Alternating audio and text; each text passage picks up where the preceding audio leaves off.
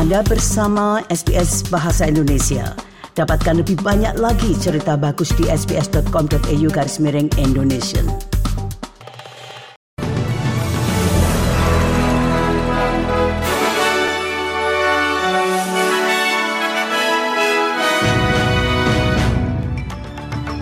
Berita terkini SBS Audio Program Bahasa Indonesia untuk Rabu 27 Desember 2023.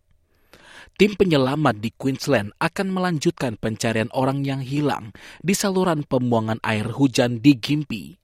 Wakil Komisioner Layanan Kebakaran dan Darurat Queensland, Kevin Walsh, mengatakan kepada ABC bahwa total ada tiga orang yang masuk ke saluran pembuangan.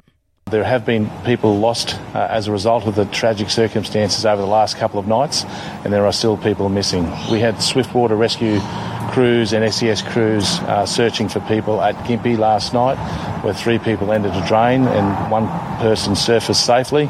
Uh, unfortunately, we found another person deceased last night, and that search will continue today with the Queensland Police Service uh, to try and search for the third person.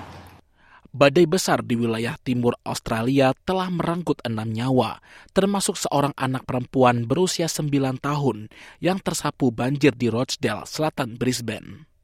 Seorang pria ditemukan tak bernyawa setelah penggeledahan di pantai yang baru dibuka di barat Sydney. Layanan darurat dipanggil ke pantai Penrith pada Boxing Day setelah seorang pria terlihat tenggelam dan tidak muncul kembali tiga perahu penyelamat dan dua helikopter bergabung dalam pencarian polisi dan jalur air ditutup untuk umum. Kru darurat menemukan mayat seorang pria yang diyakini berusia 30-an. Sebuah laporan akan disiapkan untuk petugas koroner.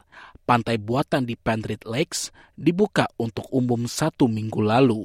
Pihak oposisi menuduh pemerintah federal gagal membantu warga Australia terkait kenaikan harga bahan makanan. Partai Buruh mengatakan pihaknya berencana untuk meninjau kode etik makanan dan bahan makanan pada bulan Oktober. Namun belum ada seorang pun yang ditunjuk untuk memimpin peninjauan tersebut.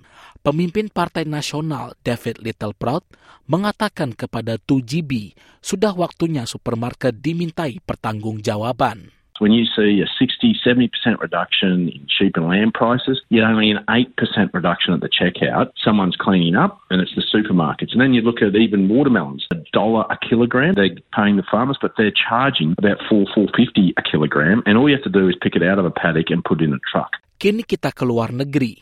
Panglima Militer Israel mengatakan perang di Gaza kemungkinan akan berlanjut selama beberapa bulan lagi. Kepala Staf Umum Herzi Halevi mengatakan mengalahkan Hamas memerlukan perlawanan yang sengit.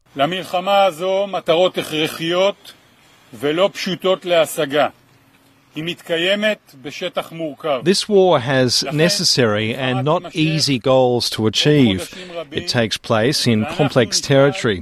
Therefore, the war will go on for many months and we will employ different methods to maintain our achievements for a long time.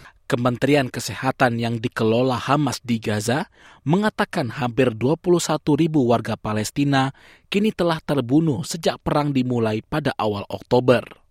Sementara itu, pemerintah Israel mengatakan tidak akan lagi memberikan visa otomatis kepada pegawai PBB dan menuduh PBB sebagai mitra yang terlibat dalam taktik Hamas juru bicara pemerintah Israel Elon Levy mengatakan sudah terlalu lama para pejabat internasional mengalihkan kesalahan ke Israel untuk menutupi fakta bahwa mereka menutupi Hamas.